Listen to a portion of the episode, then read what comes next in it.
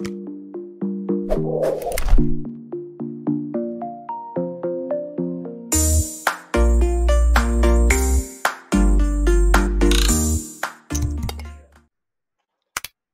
bahagia kerabat desa Indonesia. Kembali kita bertemu kembali di acara Kepoin Desa yang kita laksanakan tiap pagi jam 10 sampai jam 11. Hari ini kita akan mengangkat tema tentang cara uh, heboh hebohnya data. Jadi heboh hebohnya data uh, hebohnya data desa kemudian uh, sebenarnya ini tanggung jawabnya ada di di mana gitu kan.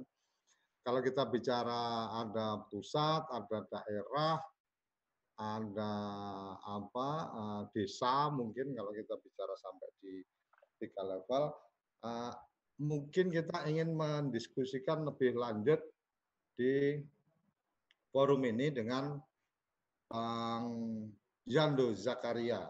Jadi beliau ini uh,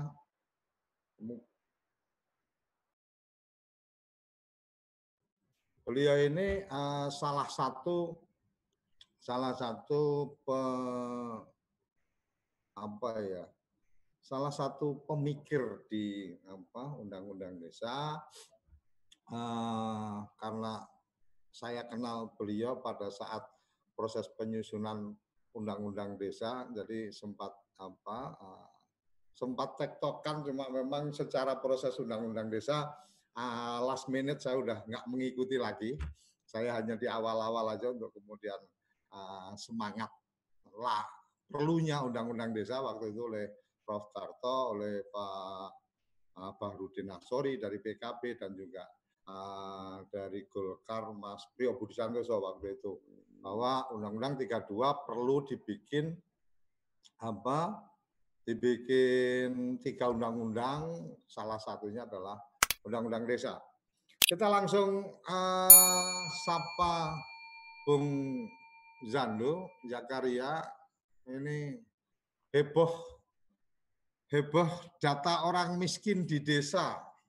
Ini tantangan desa atau tantangan pusat atau ini kalau kalau saya baca apa informasi uh, media ada informasi dari BPK bahwa ternyata data yang dipakai kemarin adalah data 2014 dan yang ternyata lagi yang harus melakukan updating itu mestinya kabupaten dari 500 sekian kabupaten kota, 600 sekian kabupaten kota di seluruh Indonesia ternyata yang rutin melakukan updating sejak 2014 itu cuma 29 kabupaten kota.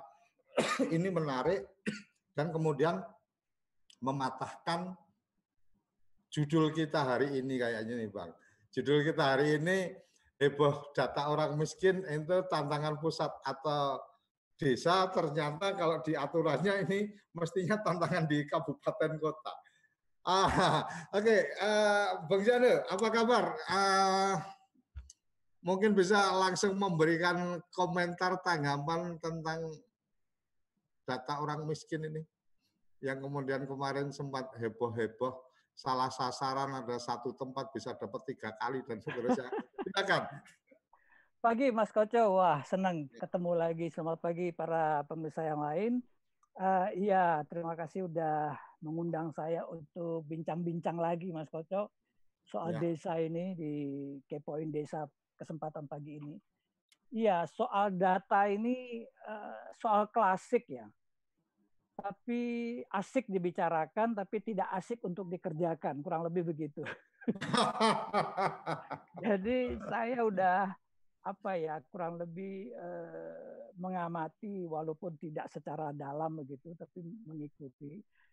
Kita mundur sedikit saja sejak ke program IDT ya di hmm. ujung-ujung Eh, Presiden Soeharto eh, 20 tahun yang lalu. Ketika IDT dirancang oleh pemerintah itu juga ribut gitu ya. Uh, pertama ributnya disebutkan bahwa oh jumlah desa miskin se Indonesia ada sekian persen. oh, semua menolak, daerahnya menolak bahwa oh bukan, Hmm. daerah saya tidak miskin, kami baik-baik saja gitu kan. Tapi ketika pemerintah pusat mengatakan, oh dengan data desa miskin ini akan akan ada impres desa tertinggal. Wah, tambah. Oh, kami miskin. ya, jadi eh, itu situasinya. Di tingkat lapangan juga begitu. Kemudian itu baru dari data data desa miskinnya sendiri. Nah, Hmm. ketika itu diterapkan ke lapangan, persoalannya juga muncul lagi siapa yang orang miskin dan seterusnya dan seterusnya. Jadi kalau kita lihat dari cerita itu, setiap persoalan ada program-program yang berkaitan dengan penanggulangan kemiskinan, satu, Hmm. kemudian ah, kalau ada eh, peristiwa-peristiwa emergensi, seperti misalnya tiba-tiba eh, ada eh, bencana alam gitu, atau tiba-tiba mungkin ada krisis-krisis ekonomi 98, kemudian 2008 dan lain sebagainya di mana kemudian pemerintah mempunyai program itu pasti persoalannya persoalan data. Pasti itu bahwa yang tidak terima dan lain sebagainya. Jadi ini persoalan lama yang nggak pernah diurus gitu, yang tidak pernah di apa namanya dibenahi secara serius gitu salah satu mungkin memang ada rencana pemerintah untuk membenahi uh, data ini kan melalui uh, KTP elektronik ya. Oke. Uh, maka itu akan ada single uh, data uh, ya kan dan itu juga real time gitu ya. Nah, tapi itu kan mangkrak juga sekarang karena korupsi dan lain sebagainya gitu. Nah, itu itu situasinya. Nah, nah jadi apa namanya persoalan ini ya menjadi menjadi apa namanya jadi nggak uh, uh, kelar-kelar gitu. Nah hmm. ini juga kalau bicara soal data ini menarik juga kalau kita kaitkan langsung gitu misalnya dengan fakta hari ini tidak sampai lima persen desa di Indonesia ini uh, yang sudah definitif batas desanya. Hmm. Ya, saya kebetulan punya kesempatan uh, ikut sebuah program penegasan, penataan dan penegasan batas desa ya di beberapa kabupaten beberapa tahun yang lalu. Nah, yang menarik yang kami temukan di lapangan adalah bahwa pusat-pusat pemukiman di desa, apakah itu statusnya dusun atau RW gitu ya, itu 20% overlap, Mas. Artinya overlap?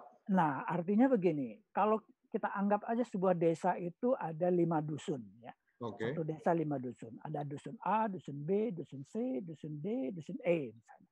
Nah, entah itu dusun A, entah itu dusun B itu bisa masuk ke dalam desa yang lain.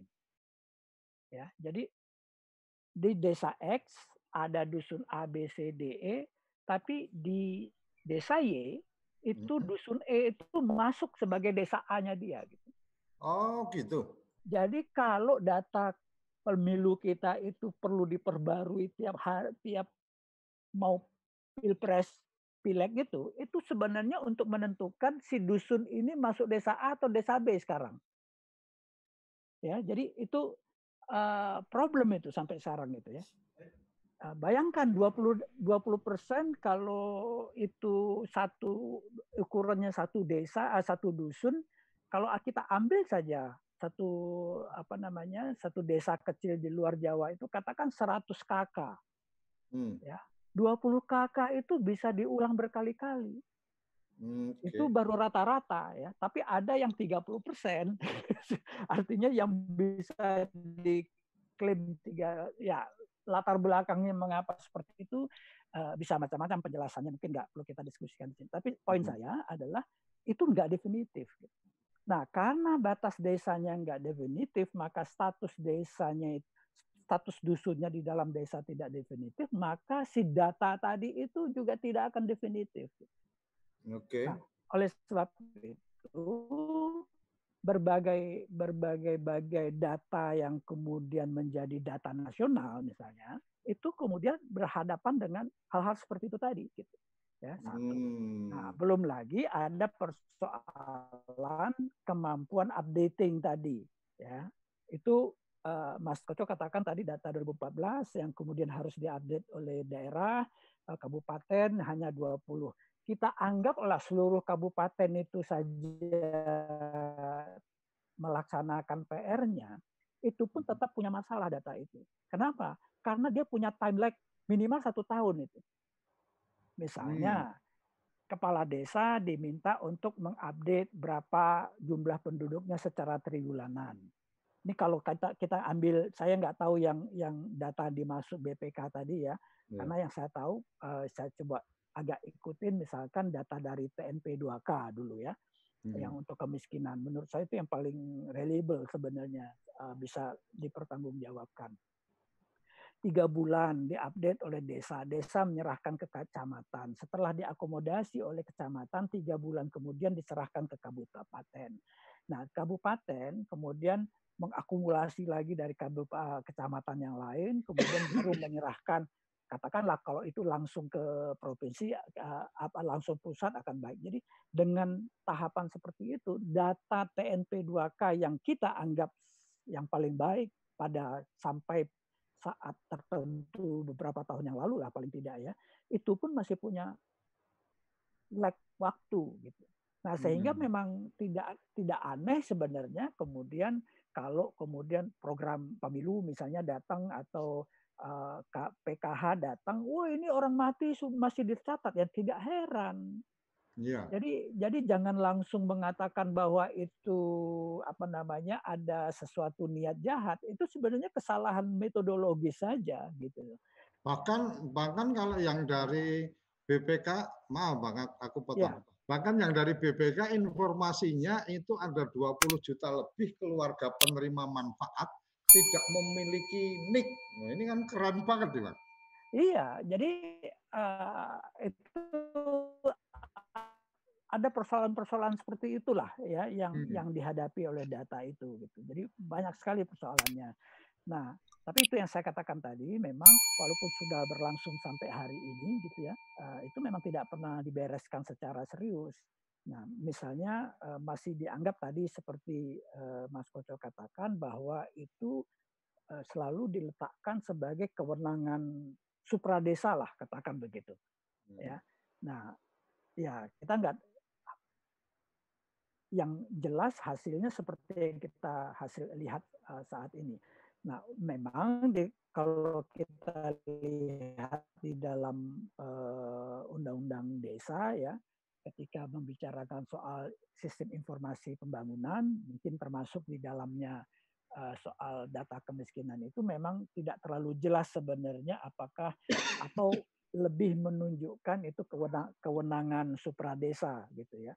Nah, tetapi kalau kita berpikir secara lebih kritis sebenarnya, sebenarnya persoalan desa ini kita bisa juga dan juga termasuk saya katakan eh, termasuk soal batas pembatasan desa sekarang kalau tata batas desa sekarang kan juga ditetapkan sebagai kewenangannya daerah hmm. itu dengan peraturan Menteri Dalam Negeri nomor 45 kalau nggak salah tahun 2017 begitu ya. Ah, nah, padahal kalau kita lihat batas desa dan juga ah, soal data desa tadi itu, itu kan sebenarnya adalah ah, isu-isu persoalan-persoalan sangat dikenali oleh masyarakat gitu, masyarakat desa sendiri.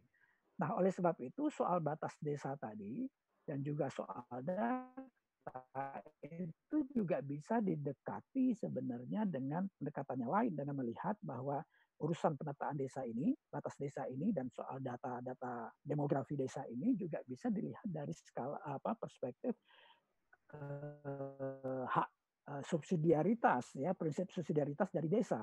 Artinya apa? Saya mau katakan bahwa sebenarnya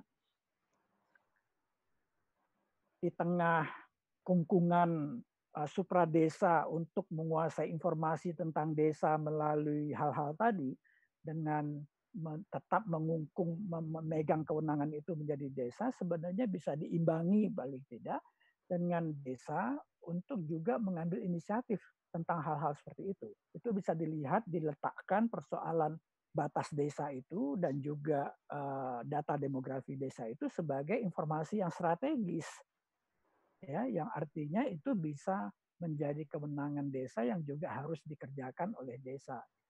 Nah, jadi eh, hal-hal seperti ini yang mungkin ke depan menurut saya perlu eh, kita pikirkan sama-sama ya.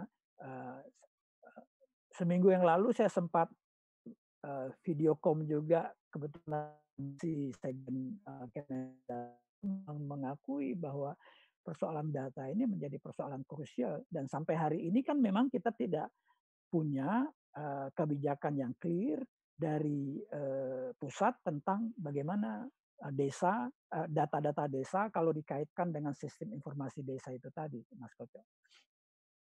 Mungkin itu dulu respon. Artinya ada bagian yang perlu juga satu apa kesadaran teman-teman di pemerintah desa untuk kemudian mengambil peran. Artinya bisa kemudian apa lebih proaktif mengambil peran karena ada kesadaran data ini sangat strategis untuk desanya gitu ya Bang ya. Ya, menurut saya ya ya ke sana larinya gitu ya. Hmm. Uh, apalagi itu kan sebenarnya dibuka peluangnya misalnya kalau kita bicara soal uh, perencanaan pembangunan apa rencana RP pembangunan menengah jangka RPJMDes misalnya gitu. Oh. Itu kan jelas disyaratkan dengan data-data dan lain sebagainya. Nah, data-data ini kan sebenarnya uh, ya sejauh yang kita amati kan sangat terbatas gitu ya hmm. sering kali juga tidak terupdate begitu. Yang paling mungkin datanya ya oke okay lah ada luas sawahnya sekuan lebar dan lain sebagainya. Tapi kalau kita bicara soal pembangunan desa, data tentang siapa yang punya sawah di desa itu kan nggak pernah ada informasinya itu. Hmm, oke okay, oke okay, oke. Jadi ya? Mungkin ketika bicara pemetaan oh ada sawah sekian luas. Iya. Tetapi bahwa peta-peta ini punya siapa kemudian Padahal kalau kalau kita mengikuti prosedur administrasi, proses ketika ada apa, ada jual beli dan seterusnya, desa punya datanya otomatis dong. It, itu maksud saya. Ya. Artinya dia tidak melakukan inputting di atau tidak melakukan updating dari data yang lama dari uh, dari dokumen yang lain, jadi hanya sekedar melakukan fungsi administrasi, melakukan pencatatan transaksi aja gitu ya. Betul. Nah, jadi kalau kembali ke RPJMDes tadi itu kan data-data itu data-data mati sebenarnya yang mungkin akan diulang terus di dalam setiap RPJMDes-nya. Ada yang berkurang, ada yang bertambah. Paling sedikit variasi dari jumlah demografi gitu ya. Nah, jadi maksud saya uh, ya itu bisa menjadi uh, bagian dari concern desa sebenarnya. Jadi untuk RPJMD supaya perencanaannya lebih tepat, kalau semua desa uh, semua sawah di desa itu adalah uh, cuman penguasa dikuasai oleh lima orang saja misalnya atau justru dikuasai semuanya oleh orang desa uh, di luar desa misalnya buat apa desa itu bikin proyek uh, kegiatan penataan irigasi misalnya ya atau selokan gitu ya toh itu tidak berhubungan sementara kita tahu ada program ada mungkin ada 50% sampai 60% warga desa yang tuna tanah gitu di sana misalnya. Gitu. Nah, jadi uh, terkait dengan pertanyaan Mas Koco tadi memang uh, ini membutuhkan sebenarnya uh, apa kemauan kepala desa, pemimpin desa, elit-elit desa untuk memperjuangkan. Karena itu memang bisa diupayakan menjadi uh, apa namanya uh, menjadi kewenangan desa. Bisa dikerjakan. Paling tidak ya misalnya kalau kita lihat dari sekarang bagaimana penggunaan dana desa itu sistem informasi desa sebagai bagian yang bisa di, dilaksanakan gitu. Juga termasuk soal uh, tata batas desa begitu. Nah jadi memang uh, apa namanya dibutuhkan uh, ya di samping kita ingin mendorong Eh, kebijakan dari atas ya, baik dari pusat maupun kabupaten untuk bagaimana membenahi sistem data di desa ini, tapi juga dibutuhkan eh, minat dari kepala desa sendiri untuk sungguh-sungguh melihat bahwa persoalan desa ini adalah persoalan kenyamanan eh, pemerintahan dan kehidupan di desa gitu. Jadi tidak lagi disibukkan oleh setiap tahun dengan data-data uh, yang uh, apa namanya yang membuat desa menjadi uh, gaduh gitu. Uh, Bang Zando Zakaria termasuk menurut saya uh, salah satu tokoh di apa di dapurnya proses undang-undang desa artinya artinya bukan bukan di depan tapi sebagai koki lah bagian dari undang-undang desa. Ada yang menarik di undang-undang desa itu tentang membangun desa dan desa membangun. Ada juga tentang uh, beberapa asas yang teman-teman selalu menyuarakan itu, teman-teman gerakan desa selalu menyuarakan itu. Tetapi saya secara pribadi memang juga belum terlalu paham dengan apa uh, asas tentang rekognisi, subsidiaritas dan seterusnya. Nah, yang menarik uh, mungkin adalah saat ketika kita kaitkan dengan obrolan kita uh, pagi ini, adalah apakah kemudian bagian dari apa uh, desa memper apa, selalu melakukan updating data dan seterusnya, kemudian tidak harus menunggu arahan atau tidak harus kemudian harus ada anggaran dari pemerintah pusat atau kabupaten, mereka mempersiapkan itu apakah itu juga menjadi bagian dari uh, asas rekognisi dan subsidiaritas yang sering didengung-dengungkan teman-teman dalam konteks bahwa desa punya otoritas, desa punya kewenangan, tapi kalau kemudian bicara otoritas kewenangan dan kemudian tidak ada kesadaran kebutuhan apa data dan seterusnya kan sayang juga ini bang. Komentar iya. abang? Iya, itu yang saya katakan tadi. Eh, kan memang bahwa sejauh ini politik data ini memang ingin tetap dikuasai oleh supradesa ya. Eh, ada ada banyak argumentasi di balik itu pasti ya, termasuk hmm. alasan-alasan hmm. politis begitu. Hmm. Nah, eh, itu satu. Yang kedua juga dalam politik data ini kan juga kita punya undang-undang bahwa BPS lah satu-satunya uh, sumber data gitu ya. Nah, jadi memang ada uh, kecenderungan yang kuat untuk uh, bahasanya saya mengungkungi uh, soal data ini. Gitu. Oke, itu mungkin punya argumentasinya sendiri. Nah, tetapi kan data ini juga bisa dilihat dari kalau itu bisa diargumentasikan itu sah dalam konteks kepentingan negara gitu ya. Negara punya agenda, maka dia punya data dan lain sebagainya dan lain sebagainya. Gitu. Jadi sah-sah saja eh, kewenangan itu gitu ya. Dan itulah yang terbukti kita lihat sekarang bahwa data-data yang diatur, diurus oleh pusat adalah urusan-urusan data yang memang kepentingan pusat gitu. Soal realisasi hmm. dana desa dan lain sebagainya dan lain sebagainya. Nah, tetapi soal data ini juga bisa kita lihat dari perspektif yang lain, yaitu perspektif desa. Oke. Okay. Apa yang kita, saya maksud dengan perspektif desa? Bahwa perspektif kalau negara punya kepentingan terhadap data, desa juga punya kepentingan untuk uh, tentang de, uh, data ini. Gitu. Oh, oke ya. oke, okay, ya, ya ya ya paham paham paham. Faktanya kan kita sudah jelas sekarang, data yang datang dari luar bisa serta merta membuat suasana guyup di desa itu menjadi gaduh gitu. Ya. Ya kan? Nah, itu kan ya. menunjukkan bahwa data itu juga punya kepentingan di tingkat desa. Nah, dalam perspektif itulah kemudian kita bisa saja desa maksud saya bisa saja mengambil inisiatif untuk mempunyai sistem desanya sendiri. Apakah ada hmm. landasan uh, uh, undang-undangnya? Nah, kalau kita bicara undang-undang seperti yang saya katakan tadi, sistem informasi desa itu memang tidak secara eksplisit menyatakan itu dari bawah gitu ya. Bahkan suasana dari atasnya jauh lebih kuat gitu. Nah, tapi kalau dikaitkan dengan yang Mas Koco katakan tadi, bagaimana dengan prinsip rekognisi, bagaimana dengan prinsip subsidiaritas, jelas bahwa desa bisa dibaca di dalam kerangka itu. Mungkin yang lebih relevan adalah data itu berkaitan dengan prinsip uh, subsidiaritas. Nah, apa artinya subsidiaritas?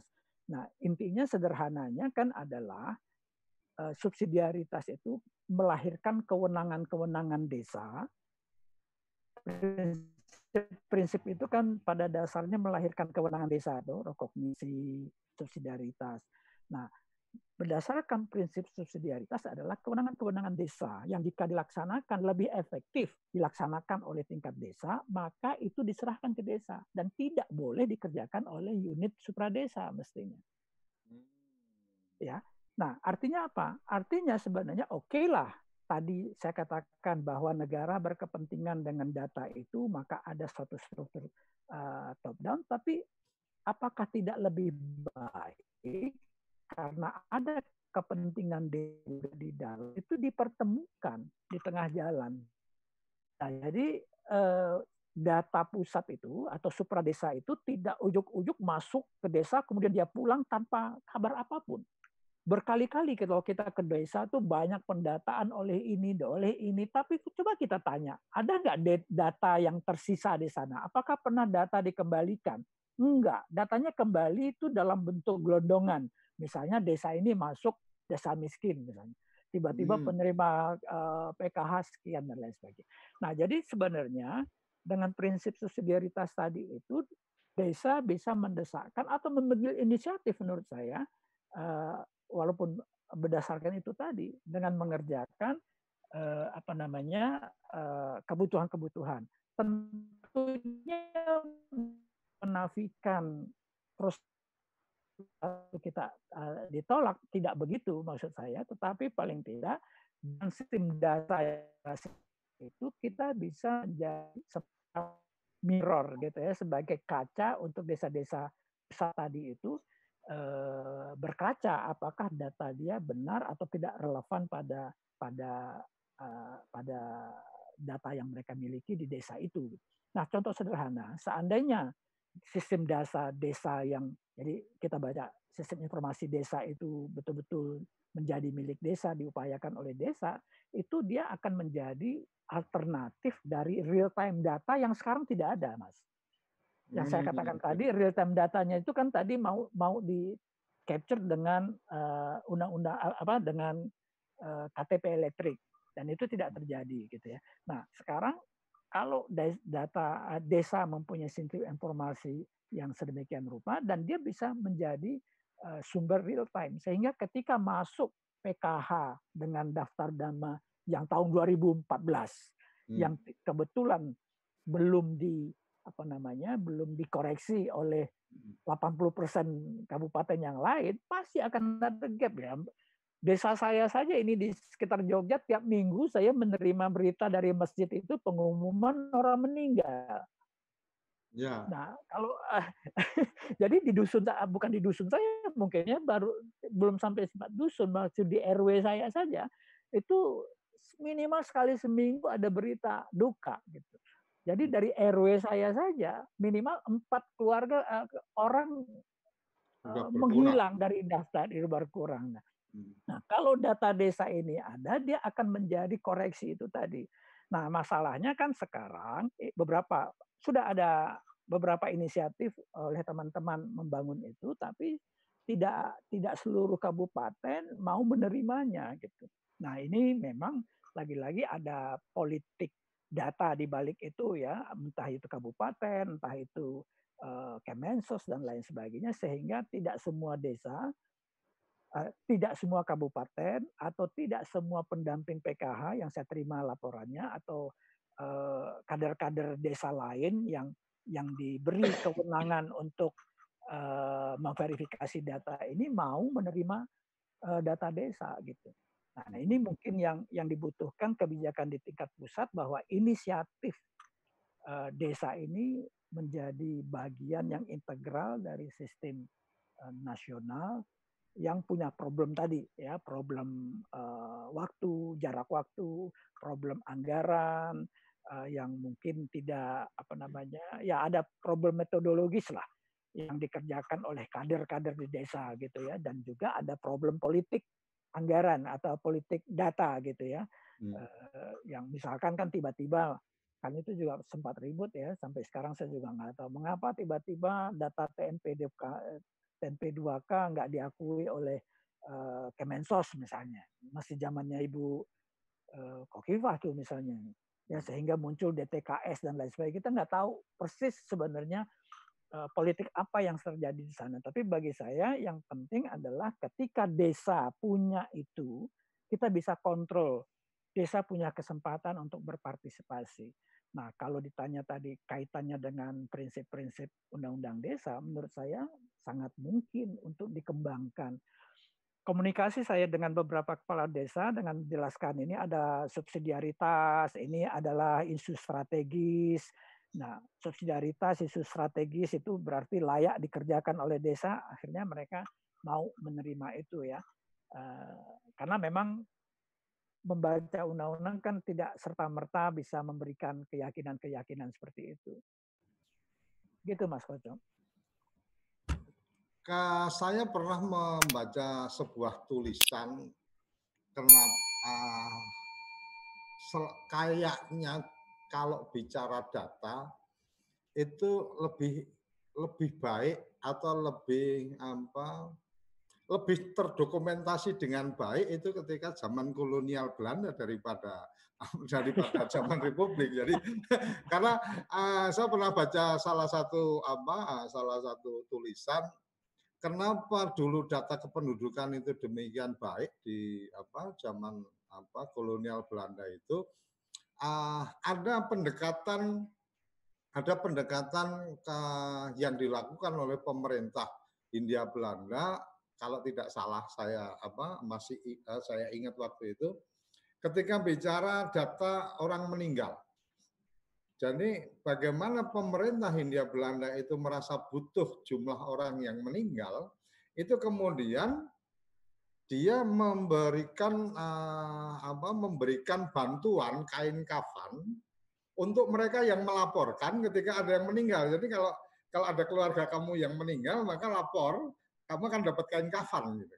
Artinya kemudian ada manfaat untuk saya memberikan data kan gitu kalau kemudian saya tidak mendapatkan manfaat untuk memberikan data, itu kan akhirnya kesadaran untuk memberikan data kan jadi nggak ada. Cuma mungkin nah itu jam itu kolonial aja sudah berpikir yang kayak gitu ya. Ini kita sudah milenial masih berpikirnya apa pendataan dilakukan oleh orang per orang datang dalam satu proyek mungkin sensus atau mungkin apa eh, pendataan waktu itu saya sempat ingat ada proyek pendataan untuk apa eh, binat eh, ternak bertanduk dan seterusnya. Padahal kalau toh umpama tidak dalam tanda petik, kalau toh itu tidak ada anggaran pun, ketika kemudian menyiapkan satu sistem informasi yang kemudian desa itu bisa mengakses, yang kemudian desa itu kemudian diharapkan melakukan updating, dan mungkin alokasi anggarannya bisa disampaikan kepada oh desa yang paling apa uh, yang paling uh, paling rutin melakukan update itu akan mendapatkan apresiasi. Itu kan mungkin akan lebih lebih simpel daripada kemudian uh, sensus dilakukan, sensus ternak lah, sensus ekonomi lah dan seterusnya. Tetapi seperti yang tadi Bang Jando sampaikan, selesai sensus, desa juga nggak pernah dikasih informasinya. Artinya apa sih yang kemudian dari hasil itu kemudian uh, desa mendapatkan informasi, kemudian desa harus bagaimana? Ini ini menurut menurut saya apa uh, menarik ke bicara tentang yang tadi uh, Bang Yando sampaikan. Kalau kemudian ini sampai di wilayah politik data, artinya ya semoga COVID ini menyadarkan kita ya Bang ya. Bahwa kemudian ini ini kayaknya kayaknya COVID ini apa petaka tapi mendatangkan berkah gitu kan.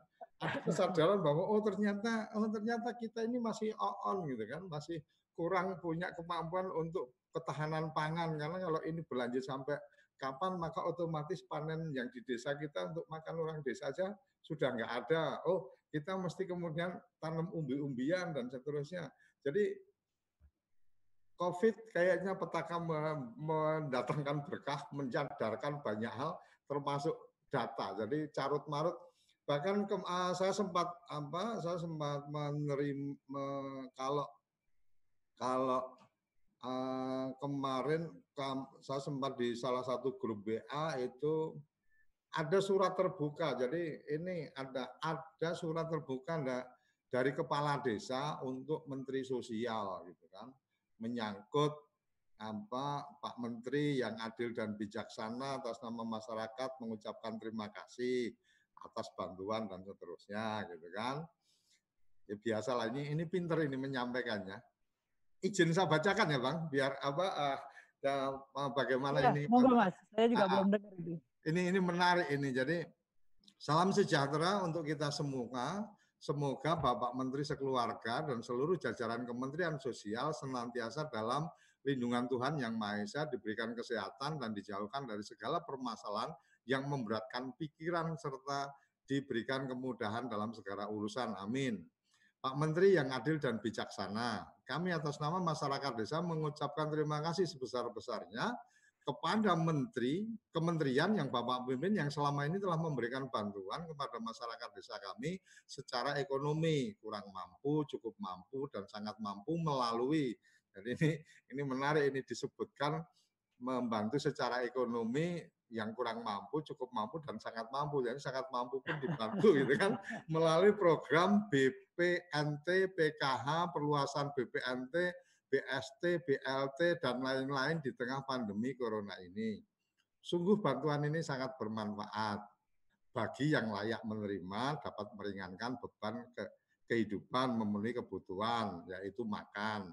Bagi yang sebenarnya kurang layak menerima sebagai tolok ukur terhadap kepekaan sosial, kemuliaan hati, dan kualitas harkat martabat. Jadi kalau yang sebenarnya nggak nggak layak untuk terima tapi tetap mau terima ya berarti kemudian Pak Kades ini bisa mengukur seberapa toleransinya atau kemuliaan hatinya. Bagi yang sebenarnya bagi pemerintah desa ini menarik ini bagi pemerintah desa mulai dari kepala desa perangkat desanya sampai RT RW dapat meningkatkan ketahanan mental menghadapi cercaan hujatan bahkan ancaman dari masyarakat ini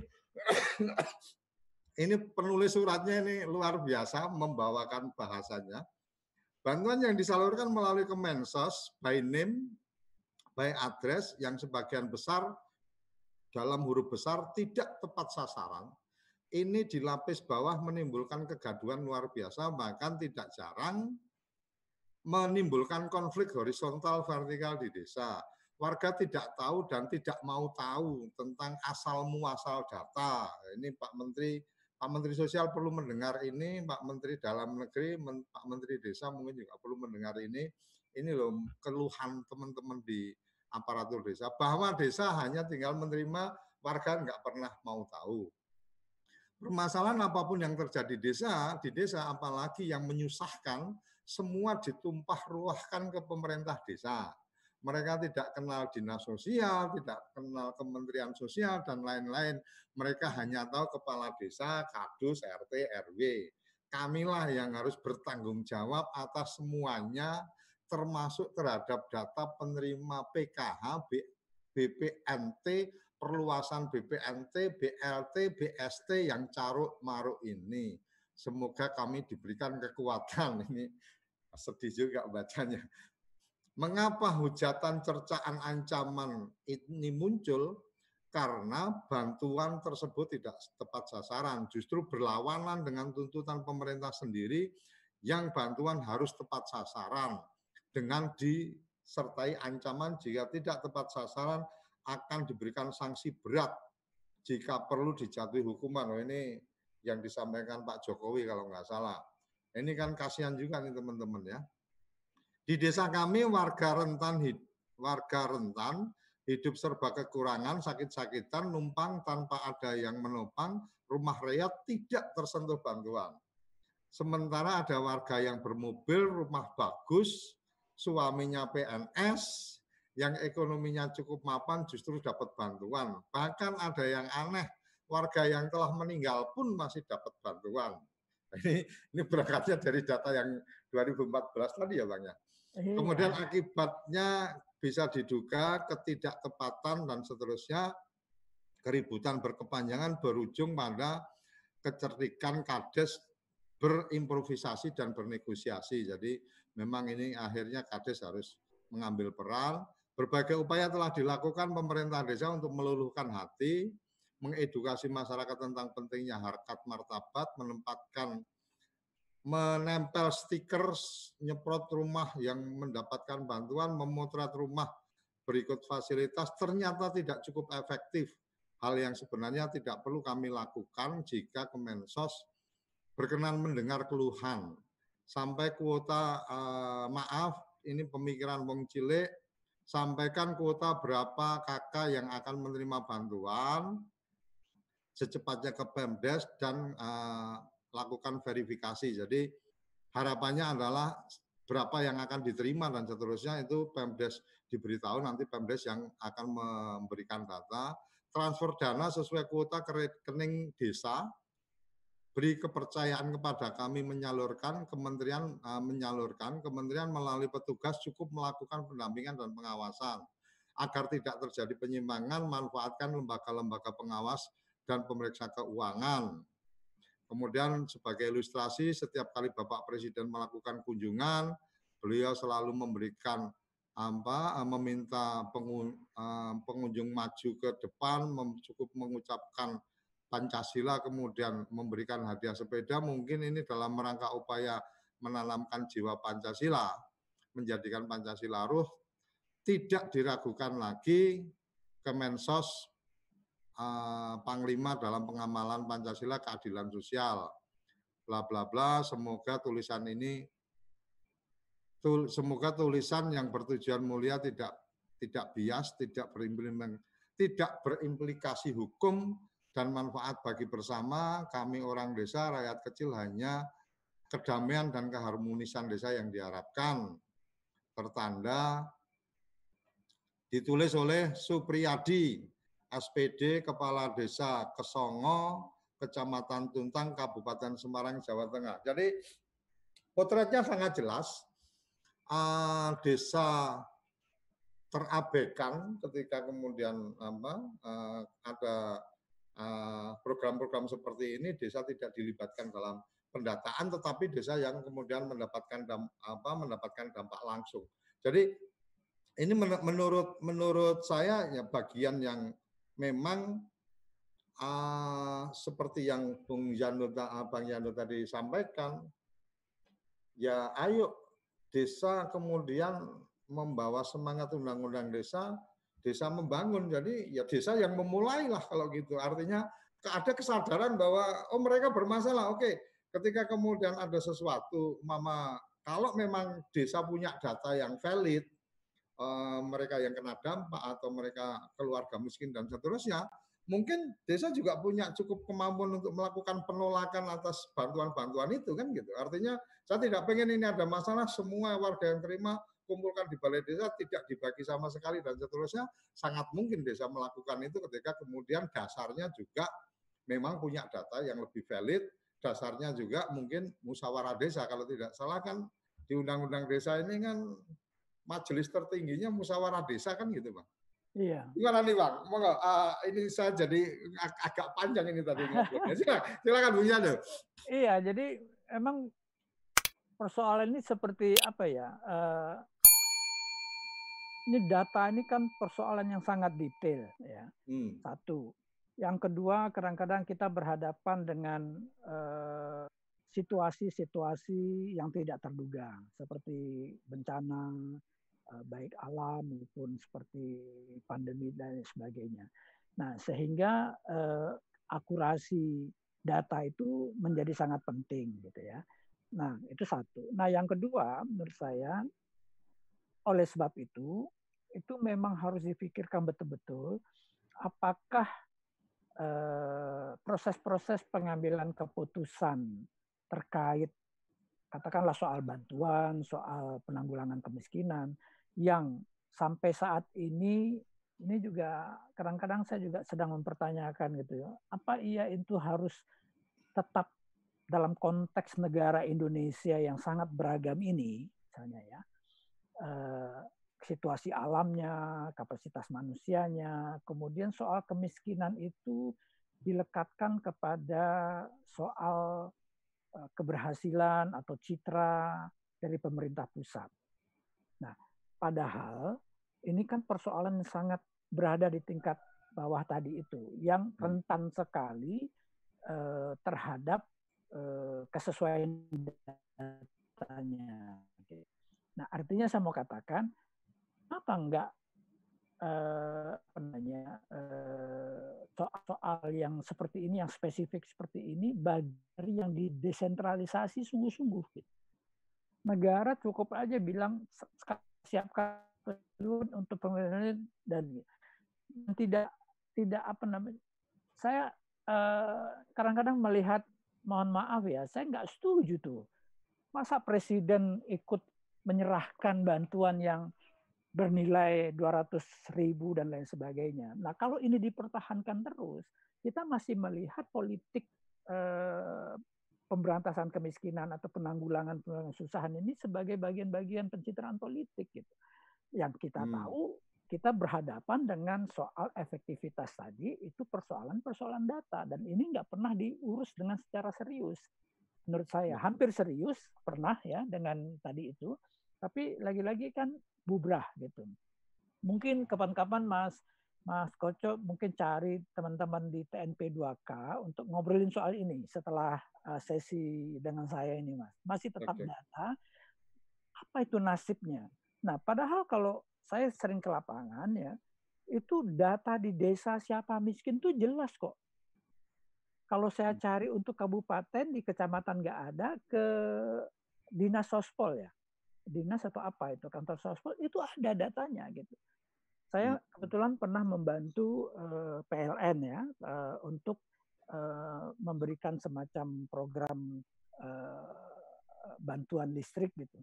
Nah, bagaimana dia menentukan? Data itu by name by address kok. Hmm. Eh, ya, dan itu terkontrol di tingkat desa gitu ya. Jadi ada. Nah, tapi memang data ini itu yang saya katakan tadi, bagaimana itu nasibnya itu sekarang menjadi DTKS itu bagaimana perubahannya gitu. Nah, kalau yang miskin baru sekarang itu kan soal yang lain lagi ya. Nah, jadi maksud saya eh, kita menghadapi persoalan-persoalan besar eh, apa sistem data yang sebenarnya berurusan dengan hal-hal yang sangat konkret di tingkat lapangan, tapi kita mempunyai problem-problem dengan eh, metodologinya. Waktu saya masih sekantor dengan Pak mantan Menteri Keuangan yang lalu, Pak Khatib Basri, ya, beliau pernah ber, uh, bercanda sama saya itu. Ya, no, dia bilang, kemiskinan apa data-data statistik kemiskinan itu hanya menggambarkan kemiskinan ilmu statistik dia bilang. Apa yang dia mau sampaikan? Artinya di balik data-data statistik tadi yang mungkin memang jadi bisa patokan makro gitu ya, itu tetap punya problem di tingkat mikronya. Gitu. Hmm. Nah jadi uh, jadi seorang Menteri Keuangan bicara itu ya waktu kami masih sekantor dulu di LPM FEUI gitu ya. Jadi memang ada problem yang besar di sana. Artinya negara harus menyadari bahwa data-data makro ini memang harus dilengkapi dengan data mikro yang yang apa ya namanya yang uh, yang uh, real time gitu. Nah inilah sebenarnya tanggung jawab desa hmm. dan baik bisa diserahkan secara top down oleh kewenangan oleh kekuasaan, tapi juga sebenarnya itu bisa diperjuangkan oleh Pak Pak Desa tadi itu kan bagus ya mencapai itu. Tapi mestinya si Bapak Desa tadi itu dia punya datanya enggak gitu. Hmm, artinya kan counter data ya? Iya, jadi dia harusnya bisa mengatakan ini loh data saya udah tiga tahun ini real time saya perbaiki semua. -hmm. Saya punya badan eh, apa badan pusat statistik desa sendiri gitu. Hmm. Saya punya rumah data sendiri, jadi nggak bisa Anda mengatakan saya harus tunduk kepada. Kalau perlu itu bisa ke PT UN, mas. Hmm bisa dibuktikan kalau seandainya data DTKS itu salah kemudian dipaksakan jatuh di desa itu di PT UN kan saja kalau memang punya informasinya untuk mengatakan salah dan lain sebagainya. Artinya sebagai sebuah keputusan administratif uh, yang uh, bisa menimbulkan ke kekisruhan di tingkat desa tadi ya mari kita selesaikan sengketanya gitu. Nah, artinya desa desa berani menantang apa supra desa ketika memang punya data. Cuma kan punya mungkin data. problem hari kita problem kita hari ini oh. kesadaran data itu ada ketika bicara apa petaka COVID kan gitu. Jadi jadi nah, kesadarannya nah, baru mulai sekarang. Jadi iya. ketika kemudian apa melakukan pendataan dan seterusnya ya mungkin baru data yang dia lakukan akhir-akhir ini bukan kemudian data bahwa ini loh kami secara rutin melakukan evaluasi tiga bulanan iya, atau iya. apa enam bulanan dan seterusnya karena apalagi di era digital hari ini informasi yang kemudian dipublish pun itu kan setiap orang bisa memberikan uh, catatan, bisa betul. memberikan komentar gitu kan. Betul, Ibarat betul. kata saya punya kedai kopi gitu kan. Ya. Ketika kemudian saya sudah pasang di Google Maps, saya sudah pasang informasi tentang kedai kopi itu, setiap orang bisa memberikan review. Ya. Oh, tempatnya enak, oh tempatnya uh, kalau sore banyak nyamuk, oh tempat ama yang enak kopinya kopi ini, oh kalau kue-kue ini artinya bahkan ketika itu sudah tutup pun teman apa teman-teman juga bisa memberikan review bahwa uh, tanggal ini saya sudah apa saya datang dan tempat ini sudah tutup kan gitu. Artinya partisipasi publik bisa dibangun dengan lebih gampang ketika kemudian dengan sistem digital dan dan mungkin ini bagian yang ya tadi yang saya sampaikan berkah ya. karena petaka ini mungkin ya. Ya, Terus betul mungkin sekali. Ini, Bang, Jadi kadang-kadang ya. kan silakan silakan. Ya, kadang-kadang kan begini, eh, sistem yang datang dari atas itu kan juga sebenarnya jawaban terhadap persoalan di bawah gitu ya. Hmm. Jadi eh, kita juga tidak bisa menitip, eh, menutup mata bahwa juga aparat desa itu juga ada yang bermain gitu ya. Nah, hmm. oleh sebab itu kelemahan-kelemahan atau peluang-peluang yang dimungkinkan oleh uh, situasi yang tertutup ini yang harus kita bongkar gitu. Nah, hmm. Nah, semuanya kalau seandainya seperti Mas Koco katakan tadi ya, bahwa setiap warga desa itu bisa mengakses uh, data demografi aja di desanya itu. Hmm. Kemudian dengan kategori kaya miskinnya itu tadi, itu kan ke recheck semua setiap saat gitu meninggal, yeah. dihilang dan lain sebagainya misalnya gitu ya. Jadi uh, instrumen itu yang harus kita uh, bangun, bukan kemudian dengan cara mengungkungi kewenangan itu karena kita tidak percaya pada kepala desa. Gitu.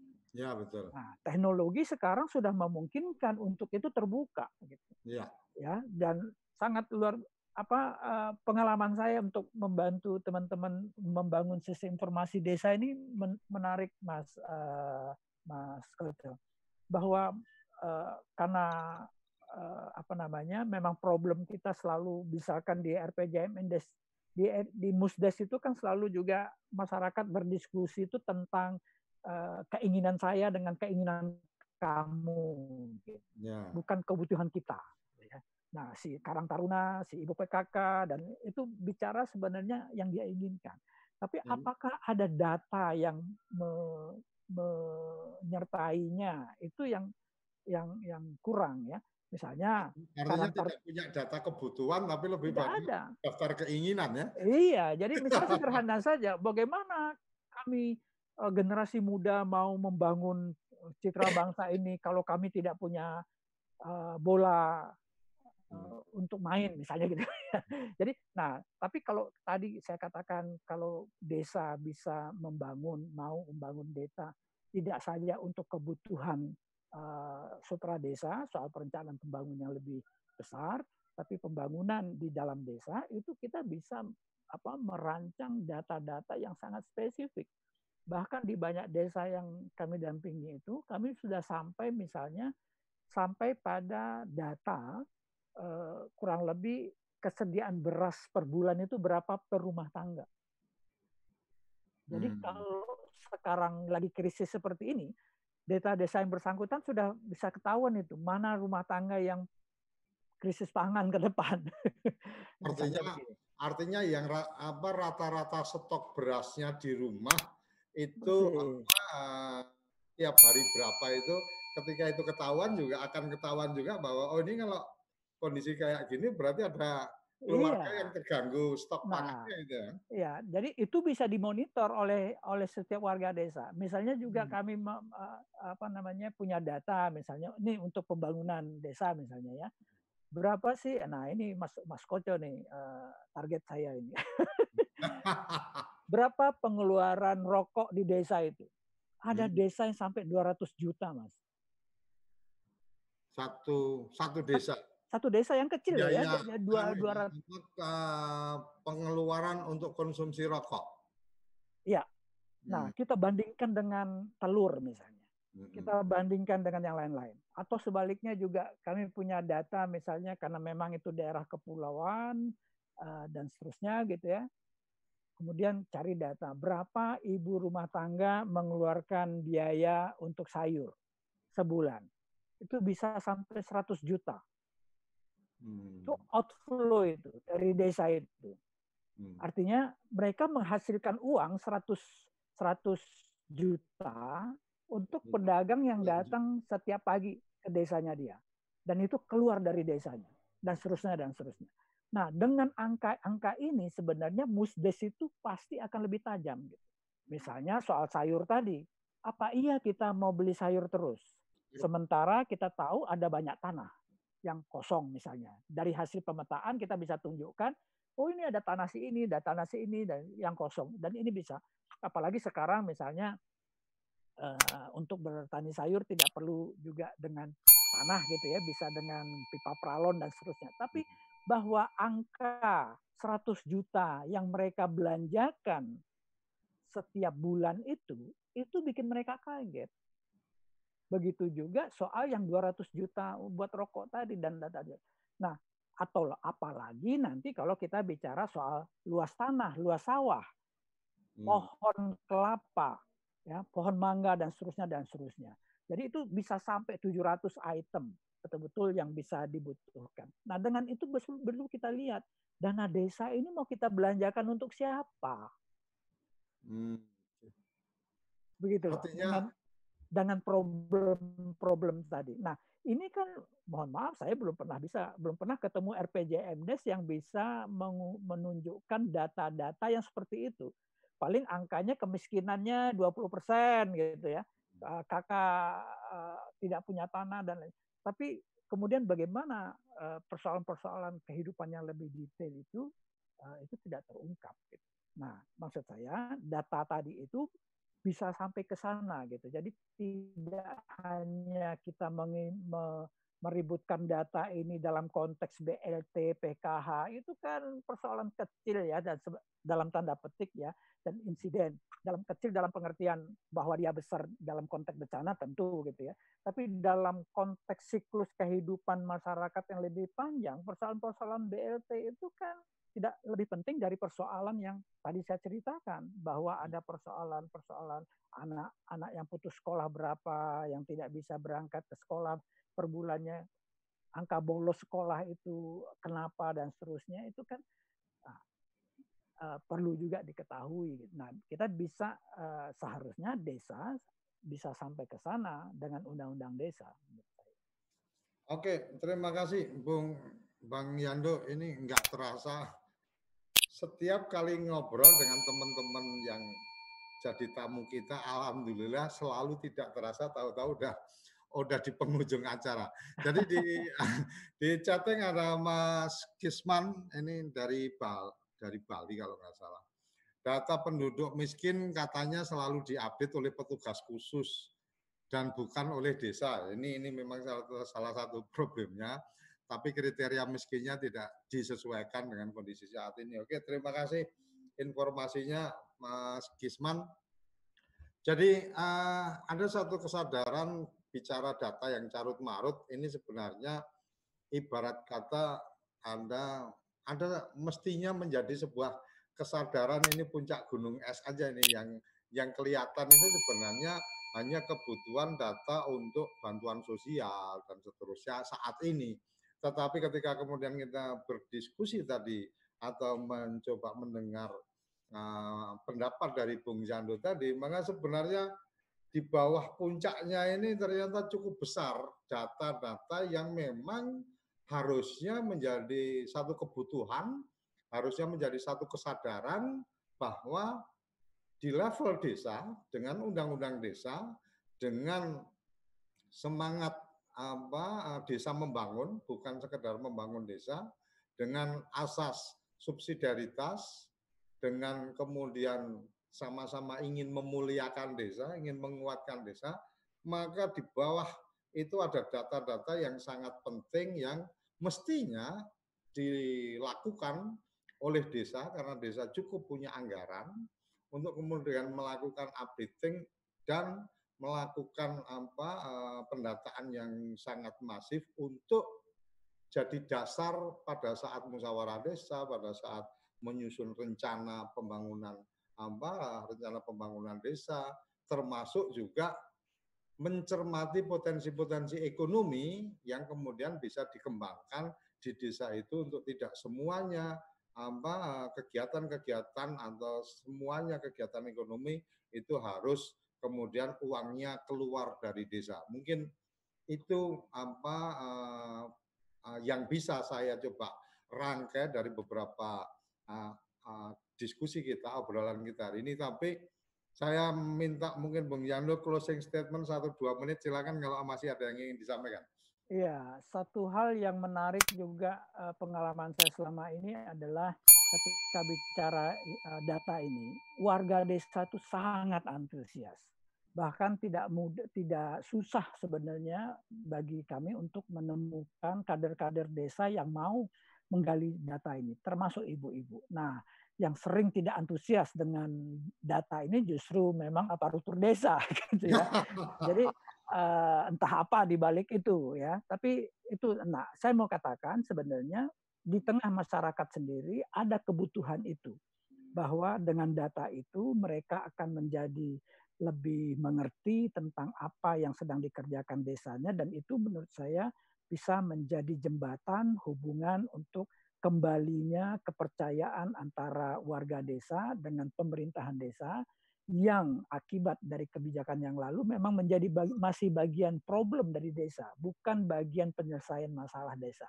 Nah, dengan data desa, partisipasi masyarakat, kemudian hubungan harmonis antara unit pemerintahan desa dengan warganya itu bisa terbina dengan baik karena tidak ada lagi dusta di antara mereka. Makasih, Mas. Oke, terima kasih uh, Bung Yando untuk waktunya. Uh, kerabat desa tanpa terasa sudah di penghujung acara. Hari Rabu besok kita akan kedatangan tamu Mas Agustri uh, Raharjo dari Sukoharjo yang waktu itu waktu pergerakan undang-undang desa dan seterusnya salah satu apa salah satu tokoh atau salah satu ketua organisasi yang terlibat dalam uh, proses penyusunan undang-undang desa. Teman-teman dari forum pembaruan desa saya pikir uh, Bang Yandu juga kenal juga. Hari Kamis kita rencana ada apa secara khusus ada kepoin spesial kita akan menyam, membuat webinar. Jadi tidak di jam 10 kita akan uh, adakan kepoin desa karena ini spesial. Kita akan uh, uh, lakukan di jam 1 sampai jam 3 hari Kamis.